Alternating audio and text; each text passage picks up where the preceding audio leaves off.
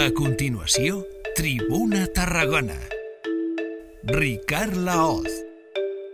Hola, què tal? Benvinguts i benvingudes a una nova edició del Tribuna Tarragona, aquest programa d'actualitat política que coproduïm dos mitjans de comunicació de la ciutat, aquesta casa, Ràdio Ciutat de Tarragona i també la revista Feta Tarragona.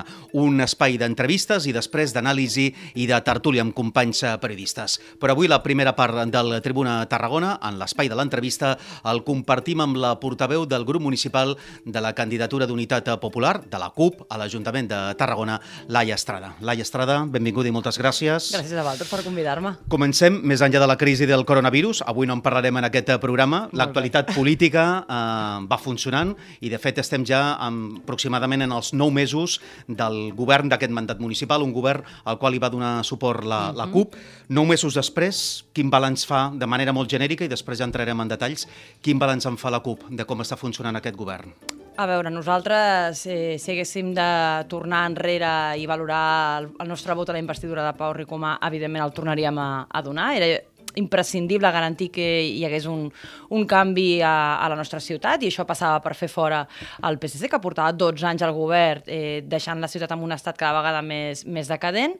Um, el que passa és que la valoració que fem ara mateix eh, és que el canvi està costant de veure i nosaltres doncs, eh, vam posar cinc acords que eren molt, molt, molt de mínims per tal de donar aquesta investidura perquè enteníem que havíem de buscar qüestions que tinguéssim en comú i que no es tractava tant d'imposar el nostre programari, però, vaja, mm, de fet, si no arriba a ser per la negociació de pressupostos, alguns d'aquests temes segurament haurien quedat fora de, de la primera eh, partida pressupostària o de la primera proposta pressupostària d'aquest govern, i estem veient, doncs, això, no?, que el canvi ens està costant una miqueta de veure. I el canvi per què costa tant? Per falta de voluntat política creuen vostès de l'equip de govern? Per la maquinària administrativa, que potser a vegades és més lenta del que voldrien les copaires? A veure, nosaltres eh, veiem una qüestió que considerem que tothom l'està apreciant, que és que el govern va mm, desbordadíssim. Mm, de fet, eh, tirar endavant una ciutat com... No? la gestió d'una ciutat com Tarragona, eh, amb la composició actual de, del govern, amb, amb nou regidors i regidores, doncs eh, és una tasca eh, força complicada. A més a més, eh, amb bona part d'aquest consistori que no tenia eh, una experiència en el que és eh, la tasca municipal. No només estic parlant eh, en, des de l'aspecte de càrrec electe, eh, sinó fins i tot de, de l'experiència dins del món associatiu, eh, no? de, dins de la ciutat, i, i per nosaltres aquí rau bona part del problema. A banda, evidentment, nosaltres ja sabem que els temps administratius eh, són els que són i que a vegades costa engegar maquinàries i que eh, l'estructura administrativa local cada vegada està més prima, i no perquè sí, sinó perquè s'han aprovat eh, lleis que han anat eh, aprimant no? tot el que és la capacitat eh, de resolució de, de les administracions locals, com per exemple aquella, l'ARSAL, no? aquella llei de sostenibilitat de, del règim local. Llavors, ja veiem que hi han coses que, que escapen no? al govern que hi hagi, no? com és la legislació eh, actual o, els, o aquests temps administratius, però d'altres que són competència directa de, del govern que hi hagi, no? que és la seva capacitat, la seva musculatura amb la gent de la que disposa. Mm -hmm. Està desbordadíssim, li falta musculatura. Uh, vostè creu que pot aguantar doncs així, uh, durant quatre anys, un govern uh, tan petit? Mm, bé, és el que ha decidit no? eh, la coalició entre, o el pacte de govern entre Esquerra Republicana i en Comú Podem. No? Van decidir que volien tirar endavant eh, aquest mandat eh, amb, amb una coalició només de, de dos partits, amb un pacte només de, de dos partits, tenen eh, un suport clar per part de, de Junts per Tarragona, eh, doncs a través d'algun mm, tipus d'acord de governabilitat eh, més o menys públic, però que eh, també és evident, no? És a dir, eh, hi ha una presidència d'una empresa municipal, hi ha més representació a determinades empreses municipals, eh, disposen també de més càrrecs eh, de confiança, etc etc. doncs representa que això és establir algun tipus d'acord de, de governabilitat. Nosaltres, en canvi, el que vam fer va ser eh, establir una sèrie d'acords polítics a partir dels quals el govern volem que ens vegi com unes aliades. I, de fet, nosaltres eh, pretenem ser això, un aliat de, del canvi, de la transformació que necessita aquesta ciutat, però nosaltres, en tot cas, eh, serem aliades en, en tenir en quant respectin aquests acords polítics als quals s'ha arribat. Però volen ser alguna cosa més que aliades? Volen entrar al govern, tenint en compte que vostès eh, ja ho diuen i ja reconeixen que el govern és petit, que el govern està desbordat, que en falten mans? Home, jo crec que va, ser, va, va quedar bastant clar que no va ser per la CUP que, eh, doncs que nosaltres no vam entrar a dins del govern de, de la tornar, ciutat. Però volen tornar a intentar? Volen insistir en aquesta via? Mm, nosaltres vam deixar les coses bastant clares, que és que després d'un procés de negociació que va ser eh, esgotador eh, i, i que va desgastar, ara mateix, vull dir, fins que no hi hagi un canvi respecte al que va passar quan vam estar en procés de negociació, nosaltres no farem cap mena de passa. I quin és aquest canvi? Doncs que eh, per part del, del govern, no d'un partit o de l'altre, sinó per part del govern, hi hagi una proposta clara, en clau política i de cartipàs, perquè la CUP entri a govern. És a dir, nosaltres vam fer tot el que estava a les nostres mans adoptant un paper que no ens pertocava, un paper proactiu, un paper d'empenya, eh, i que pensem que no ens pertocava perquè enteníem que qui tenia més necessitat que nosaltres entréssim era el govern. Això mm, no va quallar, per les raons que sigui, és igual, no, no hi entrarem. I a partir d'aquí, eh, fins que no hi hagi, eh, en primera instància, una proposta, no?, que és el que ens va faltar, vull dir, veure que a l'altra banda hi havia un interès real que es concretava en proposta política i de cartipàs, nosaltres no farem cap passa. Però, a més a més, clar, les coses han canviat, perquè ara als acords de la investidura hi sumem els acords de pressupostos. Per tant, eh, no només hi haurà d'haver aquesta proposta no, concreta per, de veure com, quin encaix eh, tindria la CUP, sinó que, a més a més, nosaltres, eh, fins que no veiem eh, que, es, eh, que es plasmen realment els acords als quals vam arribar eh, amb els pressupostos, eh, bueno, tampoc no ens plantejarem cap més passa, més que res per una qüestió de confiança. Mm -hmm. Si l'alcalde Ricomà i l'equip de govern eh, mirés d'ampliar precisament eh, l'executiu, el govern, govern a, a través de Junts per Tarragona o fins i tot d'altres formacions polítiques, això d'alguna manera significaria un trencament de l'aliança de la CUP amb aquest govern? No, per què? Vull dir, nosaltres, eh, més que mirar les, eh, quines, són, eh, quines són les formacions polítiques amb les quals es treballa, nosaltres el que mirem són eh, les línies estratègiques, les línies polítiques a partir de les quals es treballa. A nosaltres les sigles eh, ens, les deixem en un segon plànol, és a dir, jo crec que el programari, el projecte polític de la CUP tothom el té clar, és a dir, els cinc acords d'investidura eren, eren claríssims, no? parlàvem de modificació del POUM, no? per tant, urbanisme a la ciutat ciutat, que preservi l'anella verda i que cohesioni la ciutat, i això de moment està molt pendent eh, encara. De fet, l'altre dia, si ens descuidem, aproven eh, definitivament el pla de Mas, de Mas d'en Sorder, no? que també atemptava contra l'anella verda. L'altre és la internalització de la brossa, per tant, atacar directament els privilegis i a l'espoli de les empreses de l'IBEX 35, la qüestió de l'habitatge, que també doncs, la vam haver de batallar en els pressupostos i, i va quedar fora, eh? vull dir, s'haurà d'articular mitjançant modificatiu de crèdit, i, i la qüestió de, de l'estudi de la qualitat de l'aire, per, per trencar amb la connivència amb les químiques, i també el tema de la participació ciutadana. Són, són línies que per nosaltres són, són claríssimes, no? i que qui pugui estar d'acord eh, després no, desplegant aquestes eh, estratègies polítiques perfecte, vull dir, quantes més siguem sumant en, eh, i remant en la mateixa direcció, més força tindrem. A dia d'avui, quin grau de compliment creu que s'han assolit en aquests acords eh, d'investidura i de pressupostos de la CUP amb l'equip de govern? Clar, l'altre dia quan vam fer la reunió amb l'equip de govern per valorar la, el compliment de, de l'acord de pressupostos i a vegades parlàvem dels acords de la investidura, des, de, des, del, des dels membres del govern se'ns deia, bueno, a veure, diferenciem, perquè els acords d'investidura tenim tot el mandat per fer-los, ¿vale? Llavors eh, ens vam quedar només en, en, l'avaluació de, dels acords de, de pressupostos. De pressupostos sí. uh -huh.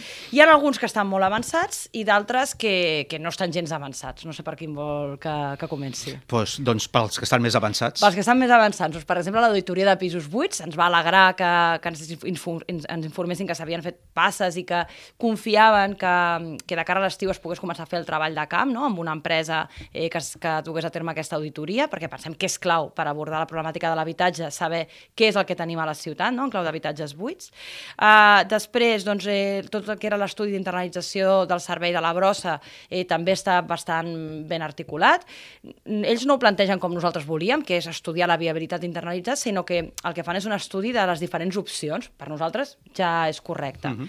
I després el pla de xoc per les escoles. Eh, hi havia 400.000 euros que, que arrossegàvem del mandat anterior i que sembla ser que ja tenen clar a on aniran i ens, ho han de, ens haurien de fer arribar la, la documentació per saber ben bé quines escoles es podran beneficiar i els 300.000 que quedaven ens van explicar que tenen pendent eh, doncs ja mateix fer, fer una diagnosi. I en quant a partides pressupostàries que no estaven incloses, van valorar molt positivament doncs, que s'estaven fent passes per poder destinar aquells 600.000 euros a, eh, per ajudes a rehabilitació de pisos buits que es destinin a lloguer social, no que després eh, s'utilitzin per fer pisos turístics, està clar, eh, i, que, i que requeriran d'una venda de, de patrimoni, eh, d'uns garatges dels quals disposem, doncs ens van explicar eh, les passes que estaven fent i ho van veure positivament.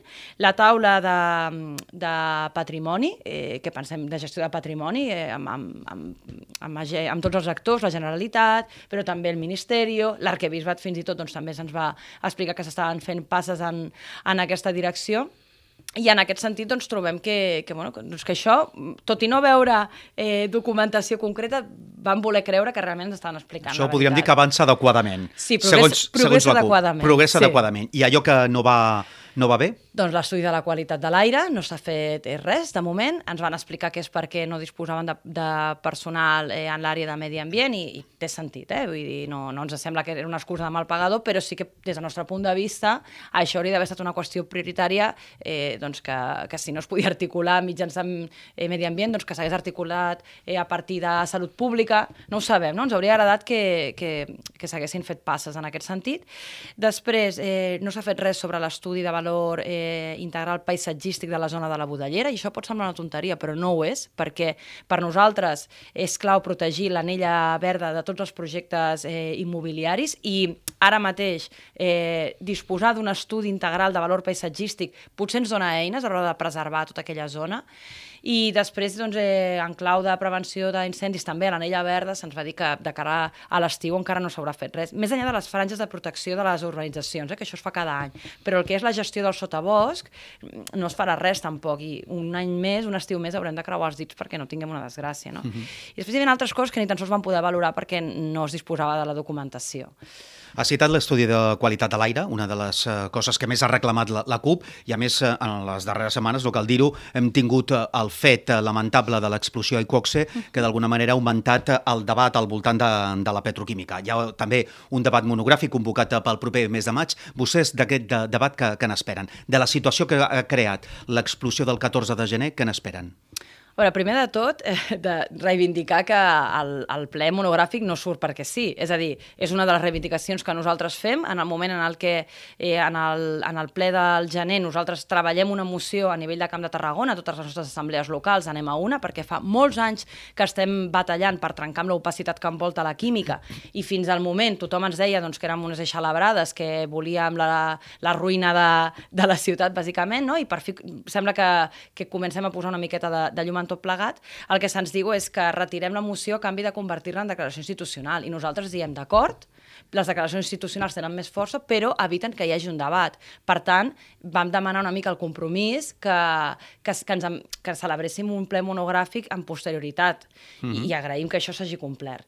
Llavors, en aquest ple monogràfic, nosaltres esperem, d'una banda, que se'ns doni compte del grau de compliment dels acords que hi havia en aquella declaració institucional, que eren moltíssims acords i que alguns eren de competència de la Generalitat, com canviar normatives, no? de tema eh, de seguretat, eh, de tema també de control mediambiental, etc però també hi havia qüestions que, que eren competència de l'Ajuntament, com per exemple exigir els expedients eh, sancionadors de les diferents empreses eh, de la petroquímica, o per exemple doncs, tot el que tenia a veure amb la personació eh, com a acusació eh, particular en en el cas, etc eh, etc. Llavors, primer de tot, en aquest ple, el govern ens haurà d'explicar el grau de compliment d'aquests acords i després, i això també ho celebrem perquè era una proposta que fèiem, eh, podrem comptar amb la participació d'experts i expertes de diferents eh, camps mm, i a partir d'aquí que cada grup municipal faci la seva valoració de què és el que, el, el que passa amb els riscos i els impactes que envolta la petroquímica, perquè hi havia formacions polítiques, com per exemple el PSC,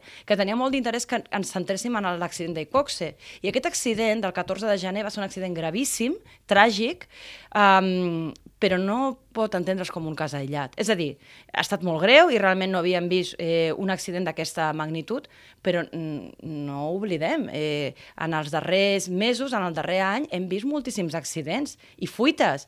I quina casualitat, tenim molta sort a Tarragona, perquè totes les fuites que tenim no són tòxiques. És, és, una, és una cosa insòlita. Llavors nosaltres el que volem és que aquell, en aquell ple puguem parlar en clau de prevenció, en clau de, de salut i també de futur sí, del model. Ara li anava a preguntar si precisament el que volien també era plantejar d'alguna manera el futur, si vostès des de la CUP el que volen impulsar és si creu que, creuen que Tarragona i el conjunt del territori necessiten eh, debatre ja una mica, plantejar-se eh, un futur socioeconòmic eh, diferent o alternatiu al que suposa ara mateix el polígon petroquímic. Per suposat. De fet, vam organitzar ara farà un parell o tres d'anys unes jornades que portaven eh, per títol I ara què? a nivell de Camp de Tarragona, en la qual debatíem eh, doncs, eh, bueno, quin era el, el model que, que volem tenir de, el model econòmic al Camp de Tarragona. I nosaltres ja entenem que hi ha molts llocs de treball que depenen de, de la petroquímica, però no ens enganyem.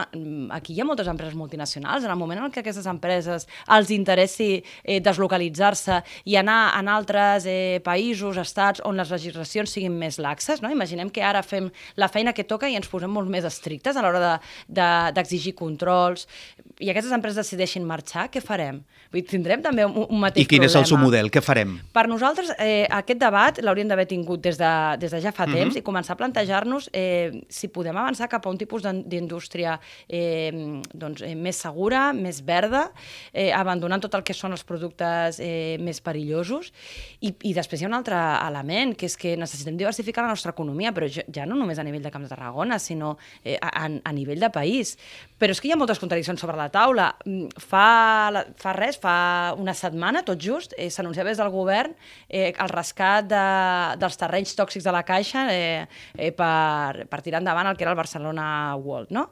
Eh, clar, a nosaltres ens sorprèn que, que justament al costat de la petroquímica hi hagi sobre la taula no, desenvolupar un altre projecte de tipus eh, turístic que aglutinarà moltíssimes persones en, aquell, eh, en aquella zona. O, per exemple, els plans urbanístics, no, el PP10, que també eh, se'ns ha dit que, que, que, doncs que, que es desenvoluparà, i que tot això no estigui generant contradiccions. No? En, ens, ens sorprèn moltíssim i pensem que és un debat incòmode, eh, pensem que és un debat que, que s'ha obviat i que fins i tot s'ha donat eh, la idea d'això no ho podem canviar, ens hem de conformar amb el que hi ha i ens hem de resignar a viure amb el que tenim. De fet, l'alcalde Ricomà, el dia de l'accident, va dir la petroquímica està per lo bo i per lo dolent. A nosaltres ens va semblar terrible aquella frase, perquè eh, lo bo que, que són les molles, eh, de, els salaris, eh, no? els llocs de treball que, que dona la petroquímica, perquè els grans beneficis, els grans guanys, van a parar unes poques butxaques, no ho oblidem, és a dir, no, no, re, no repercuteix de manera real tota la riquesa que genera el, la indústria petroquímica al, al nostre territori. Mm -hmm.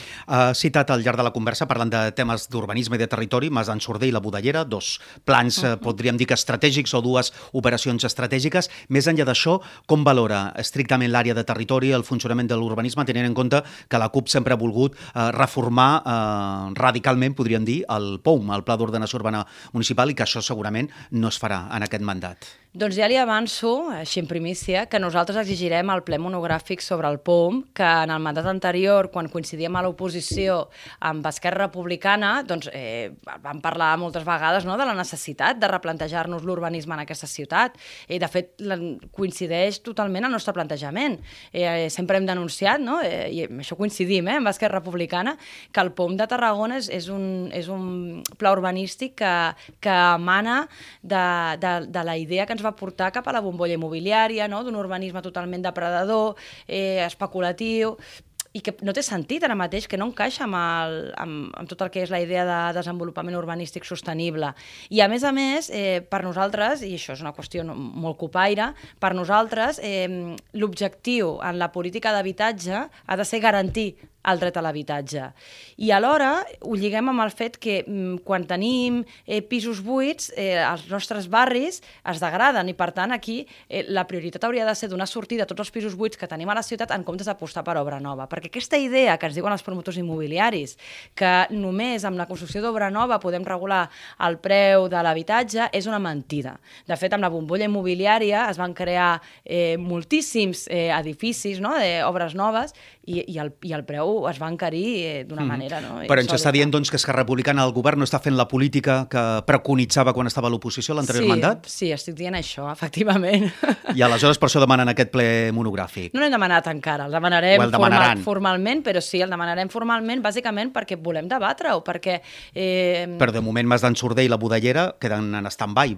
Mas d'en Sorder queda en stand-by, perquè eh, la CUP en, els, en la comissió informativa pertinent vota que no. Eh, a més a més, Junts per Tarragona també suposa en aquest eh, pla urbanístic i, i sembla com, com si el govern doncs, fos la primera notícia que, que en té Però aleshores, decideix... A la, falta, eh... a la política urbanística d'aquest equip de govern, què li falta, doncs? Li falta valentia li falta valentia i li falta coherència amb allò que es va pregonar quan s'estava a l'oposició, perquè, eh, insisteixo, per exemple, quan abans li, li explicava la importància de l'estudi integral de, de valor paisatgístic de la zona de la Budellera, això és una manera, és una de les fórmules que nosaltres eh, veiem que, que, que pot tenir èxit a l'hora de preservar aquella zona. Eh, escolti'm, mm, el govern hauria d'estar pensant eh, i anticipant-se a veure com, com ho podem fer per, per, per fer la màxima modificació possible de la política urbanística que hi ha hagut fins al moment. Per què? Doncs perquè en campanya electoral els senyors i senyores d'Esquerra Republicana i d'en Comú Podem van estar també parlant de la necessitat de eh, donar sortida als pisos buits, de cohesionar la, la ciutat, sobretot amb la zona de Ponent i el centre. Eh, es parlava molt de tot el que eren els ponts, no sé si se'n recorda de la campanya electoral, però vaja, vull dir, això va ser un tema eh, que va estar en el centre de, dels debats polítics i ara no se'n parla. És a dir, en, de fet, eh, pressupostàriament mm, no hi ha res eh, per arreglar, per exemple, per pacificar els ponts que travessen el Francolí i que és una qüestió eh, imprescindible per tal d'avançar cap a una cohesió. La CUP ho portàvem amb les propostes que teníem eh, de pressupostos, però va ser una de les coses que va quedar fora. Mm -hmm. Hi ha hagut una altra àrea que, que vostès han incidit molt en aquests primers mesos, que és el tema de patrimoni, que a més hi ha hagut eh, doncs, fins i tot algunes polèmiques i situacions eh, conflictives, com per exemple el tancament de, de l'amfiteatre. En aquesta àrea en concret, eh, la CUP, quina valoració en fa de la, de la feina que s'està fent? A veure, la, la qüestió és que hi ha molta feina pendent de fer perquè eh, en els mandats anteriors podríem parlar pràcticament de, de deixadesa i fins i tot de negligència, d'acord? I, I tenim una ciutat que no només té patrimoni romà, sinó que també tenim eh, patrimoni medieval, patrimoni modernista i tot plegat, eh, per nosaltres, la campanya de Patrimoni en Perill que vam desenvolupar, no? posant cartellets a tots els monuments que tenim i que estan caient, doncs és com perquè mm, s'hagués fet una...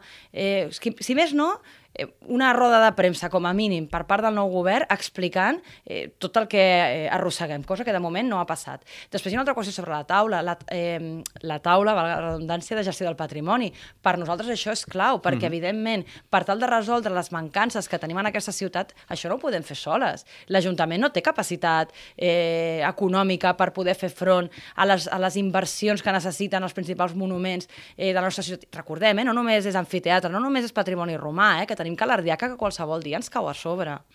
Uh, anem acabant. L'última àrea que li volia preguntar, tenint en compte que acabem de passar el 8 de març, uh, aquest govern va formar un nou departament, l'àrea de, de feminisme, s'han celebrat les activitats del 8 de març, uh, satisfetes des de la CUP en relació a com s'ha desenvolupat uh, des del punt de vista més de l'Ajuntament, impulsat uh, pel municipi, uh, les activitats d'aquest Dia Internacional de la Dona Treballadora? Home, nosaltres pensem que el que hem de valorar d'un ajuntament no són les activitats que organitza el 8 de març, sinó que ha de ser la seva política en clau de gènere durant tot l'any. I, I per nos... Sí, però per això li preguntava que amb la, nova, amb la creació del nou Departament de Feminisme, si vostès havien notat algun canvi. Mm, bueno, eh, de moment hi ha el compromís, també com a resultat de la negociació de pressupostos, d'estudiar la viabilitat d'internalitzar el SAT, el Servei d'Atenció Domiciliària. Per nosaltres això és una, seria una, una qüestió important a, a valorar, si és que finalment eh, doncs s'arriba a municipalitzar aquest servei, com, com d'altres, no? relacionats també amb les tasques eh, de cura, no? que són les més feminitzades i precaritzades, doncs aquestes serien eh, les polítiques feministes que, que, que a nosaltres ens sembla que se li ha d'exigir amb, amb un govern eh, d'esquerres i feminista, més enllà d'activitats puntuals eh, que es puguin fer. Mm -hmm. I ara sí acabo. Vostès que parlen tant de les grans runes, les grans runes de, de Tarragona, aquesta setmana hem sapigut eh, el projecte eh, per destinar un ús a la ciutat de repòs i vacances. Mm -hmm. Satisfetes? Els hi agrada aquest ús? I en qualsevol cas, i segona pregunta, quina seria l'altra gran runa, seguint la seva terminologia, que vostès creuen que s'hauria d'afrontar ja? A veure, en quant a la ciutat de repòs i vacances, ens sembla bé la proposta que, que es fa des de la Generalitat. És, és un ús que, que, que garanteix no? que estiguem parlant d'un equipament públic no? i que no passa per posar-hi un hotel de 4 estrelles que sembla, o de 5 estrelles, que sembla que és l'únic que, que, que, que es posa sobre la taula en aquesta ciutat quan parlem de grans runes. I, I a nosaltres el que sí que ens agradaria és que hi hagués algun tipus de procés de part, participatiu per escoltar també què és el que ens demanen els veïns i veïnes, perquè hi ha una part que gestionarem des, de, des del municipi. I aquesta part, tot i que per nosaltres eh, l'ús que tindria més sentit és efectivament un centre cívic, ens agradaria poder escoltar el conjunt de la població per veure què en pensen. I en quant a la segona gran runa, ostres, doncs és difícil, eh, perquè en tenim unes quantes. Eh, potser Tabacalera, per, eh, per la seva ubicació, seria la que mm, per nosaltres hauria de ser prioritària de, de desencallar, perquè eh, ens podria ajudar a generar una nova centralitat que fes d'anexa entre la, el centre i el que són els barris de Ponent, i que a més és un espai immens que podria albergar multitud d'usos, eh, de tipus eh, cultural, museístics també, però també per entitats. Recordem que hi havia la plataforma Opida que plantejava que, que almenys algun dels mòduls doncs, es pogués destinar, eh, no, no amb ells exclusivament, sinó per un munt d'entitats, i ens va saber greu que de manera mm, totalment eh, discrecional, per dir d'alguna manera, eh, doncs es decidís que allà hi aniria el centre d'art, que, que podem estar d'acord o no, eh? però la qüestió és que ens agrada pensar que, que hi haurà processos participatius.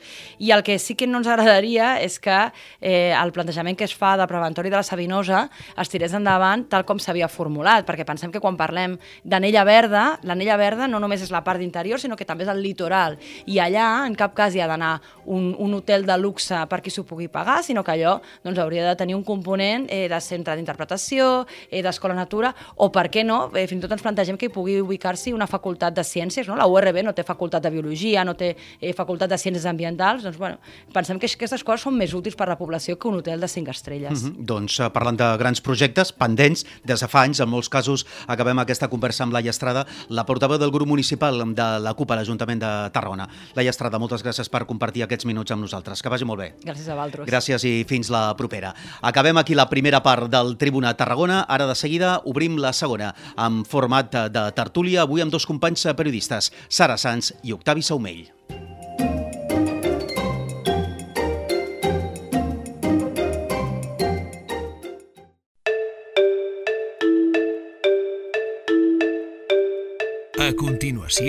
Tribuna Tarragona. Ricard Laoz.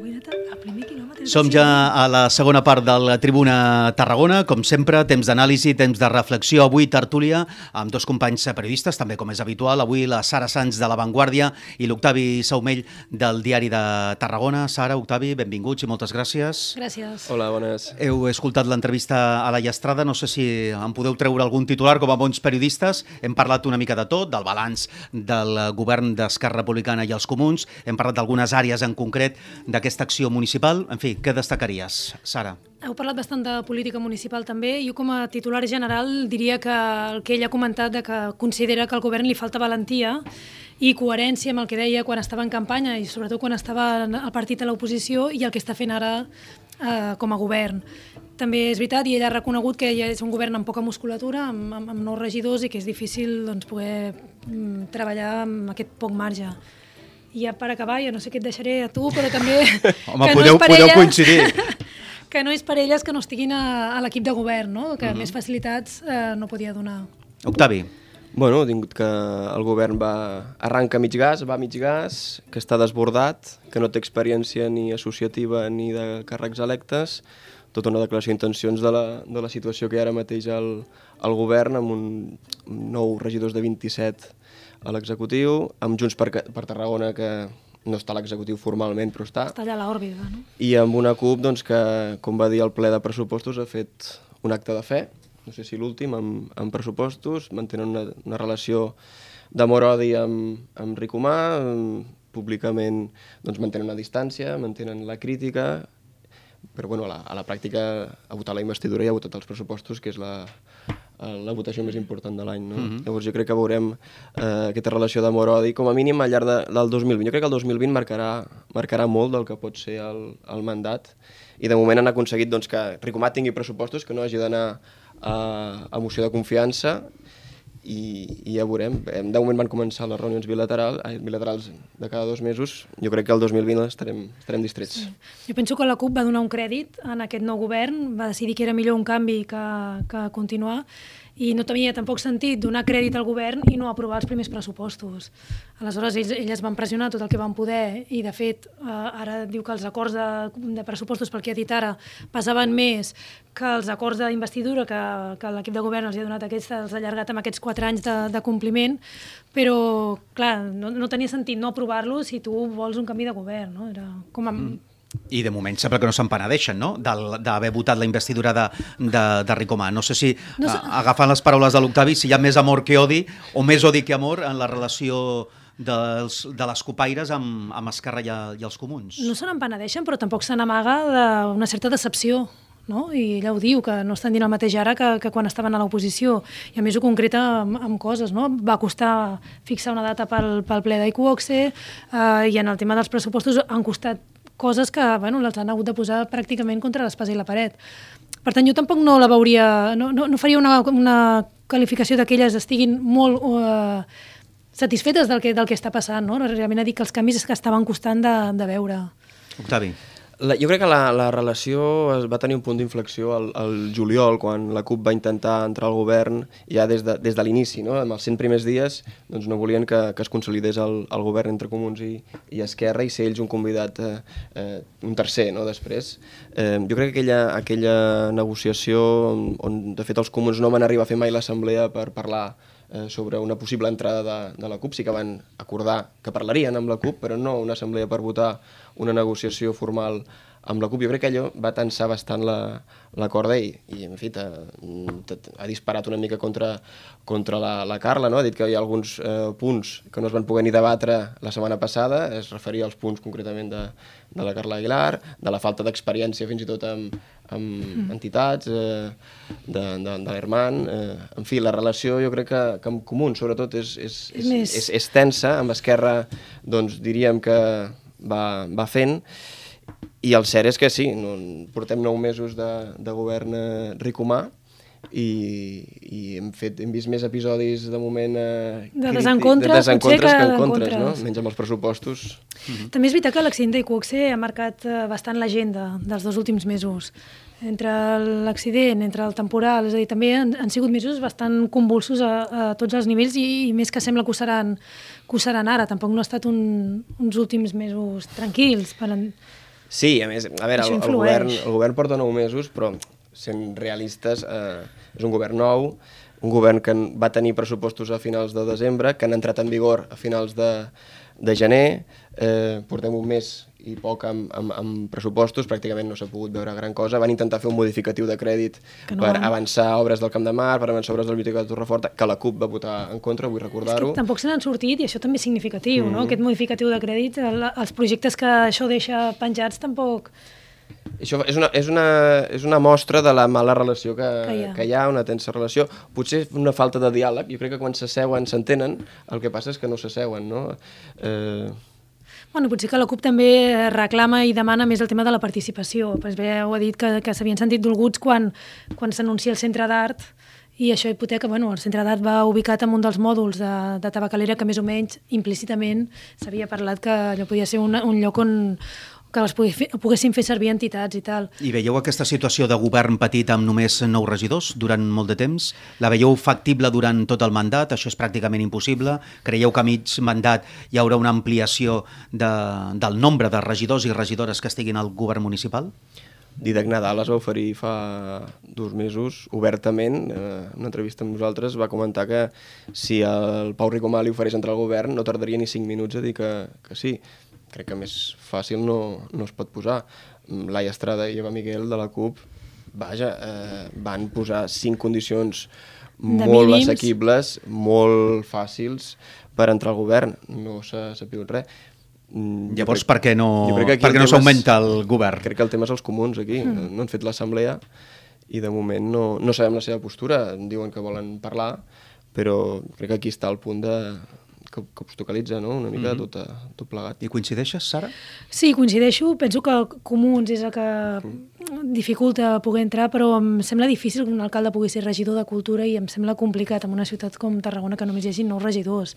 Per tant, jo, eh, potser pel seu propi pes que haurà que, que s'ha d'obrir d'algun costat o d'un altre, no? Que diries per a pujar les eleccions al Parlament, que potser també eh, un aclari, aclariran una mica el panorama com a mínim a nivell nacional, tot i que moltes vegades no té res a veure el que passa en clau nacional amb el que pot passar en clau local, però potser mm, un cop passat aquest nou període electoral mm, potser s'estabilitza o s'amplia eh, el, el govern, no? No ho sé si en clau electoral o en clau judicial amb el cas Inipro amb, amb el PSC. Mm, PSC ara mateix, eh, Josep Félix Ballesteros està pendent de si va a judici oral, Begoña Floria també, eh, Pau Pérez aniria amb, amb Ballesteros. Mm, no sabem quines accions farien aquests tres regidors si, si arribessin a, a judici oral per, per codi ètic, em sembla que han de posar el càrrec a, a disposició. Pau Ricomà en campanya electoral va dir que no pactaria mai amb Ballesteros, va dir que amb un PSC amb Carles Castillo, per exemple, podria parlar-ne. No sé si aniria per aquí o aniria per, per tema nacional el, eh, el possible pacte, no? però el que està clar és que nou regidors en una ciutat com Tarragona és completament... És molt just. Inviable. És el, és el govern en minoria que ha estat més temps de la història de, de Tarragona des de, que es va, des de les eleccions democràtiques del 79, no?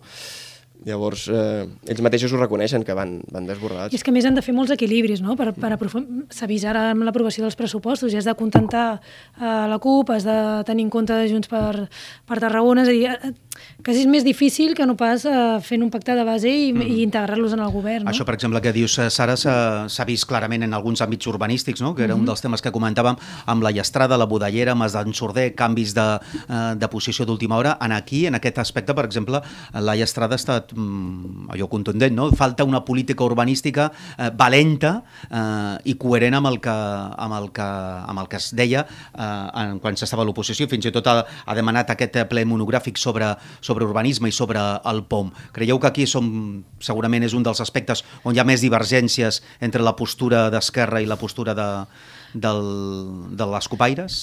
Probablement, però és que la idea de la CUP de l'urbanisme de la ciutat és totalment contrària a la idea d'urbanisme que s'ha vingut desenvolupant en els últims anys. Eh, per ells la prioritat de l'anella verda i de protegir-la absolutament eh, va en contra de tots els plans que, que s'han fet i que s'han anat revisant. Per tant, jo penso que sí, això és, és un punt important, però hi ha de, com de concepte i d'entendre la ciutat d'una altra manera que hauria d'encaixar amb els altres partits. I de concepte amb Junts per Tarragona, que També. està a favor de la, de la Budellera. I tant. Eh, en fi, de, Però en canvi va votar en contra de Mas d'en Sorder i això va fer rectificar Esquerra Republicana, Sí, perquè no? consideren que no és un lloc de creixement natural de, de la ciutat, sinó que és un lloc de- d'alt standing, és diferent. Eh, com a zona de creixement, Junts per Tarragona sí que creu que, que la Budellera és- ha de ser mm, la- zona de, juntament amb, amb l'Horta Gran doncs, de, de creixement de, de la ciutat. Jo veig difícil aquí que un govern on, amb, amb Didac Nadal, per exemple, que està a favor de la Budellera, pugui pactar un govern amb, amb Ricomà, que recordo algun debat electoral que sí. va ser força, força tens. Llavors l'equilibri que té ara mateix el govern, per un cantó i per l'altre, és, és, molt, compli- complicat. De tota manera, si fas una revisió, es fa una revisió de, del futur urbanístic, també el pla de la Budellera es podria compartimentar, es podria fer d'una forma molt més progressiva i anar-ho aprovant d'una- amb un creixement molt, molt més sostenible i potser així podries fer entrar altres, altres sensibilitats.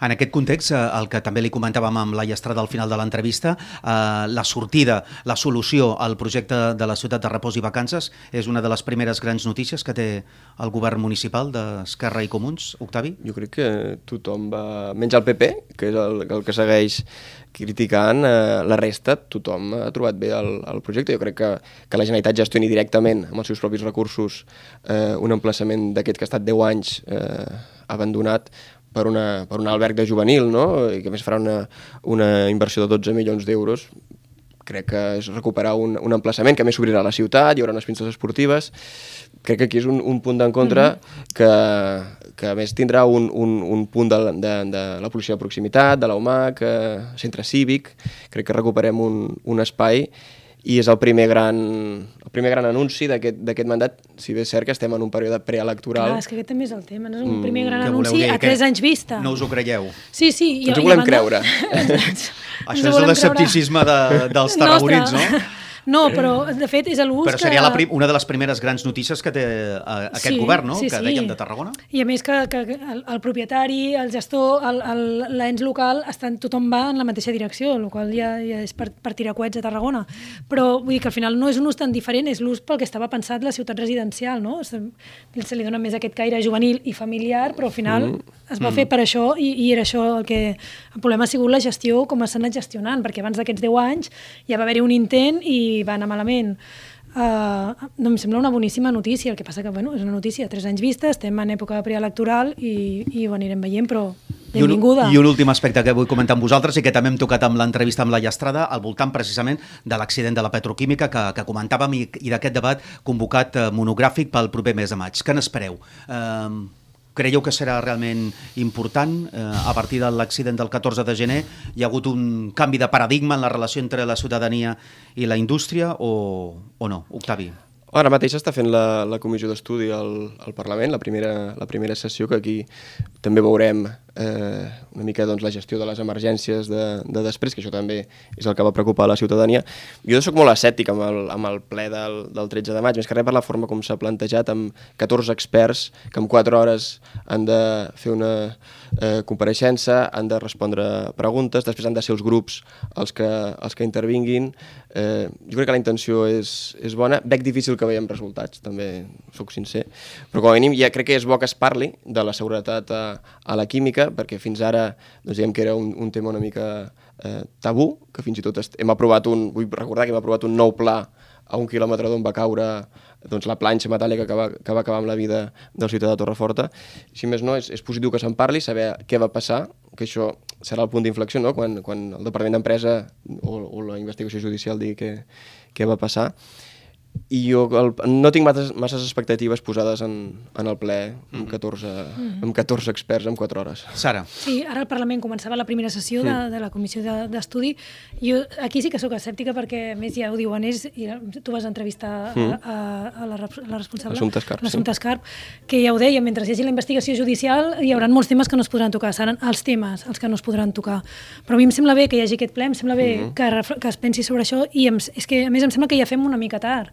És a dir, el tema que li has plantejat amb ella, El futur, o, no? o ha tret ella que, que estem aprovant, per un costat estem aprovant un hard rock, un nou complex turístic al costat del polígon sud, amb uns escenaris a l'aire lliure per, per 15.000 persones, amb capacitat per 15.000 persones, quan acabem de tenir un accident així, doncs jo penso que aquestes coses sí que s'han de posar sobre la taula i, per, i, i, i seriosament començar a mirar quin model econòmic, si hem de continuar així, amb, amb aquesta convivència o no, o si una cosa de, ha d'anar mm, prioritzada per sobre de l'altra. Em sembla que tot el que sigui debatre això en el nostre territori és importantíssim. Doncs amb aquest apunt també de l'actualitat acabem aquesta estona de tertúlia, aquesta estona de reflexió i d'anàlisi amb dos companys periodistes, l'Octavi Saumell del Diari de Tarragona i la Sara Sanz de la Vanguardia. Tots dos, moltes gràcies i fins la propera. Gràcies. Vosaltres. Gràcies als companys periodistes, gràcies a la Laia Estrada, que avui ha estat la convidada del Tribuna Tarragona. Esperem que hagi estat del vostre interès. Ens veiem en el proper programa. Adéu-siau.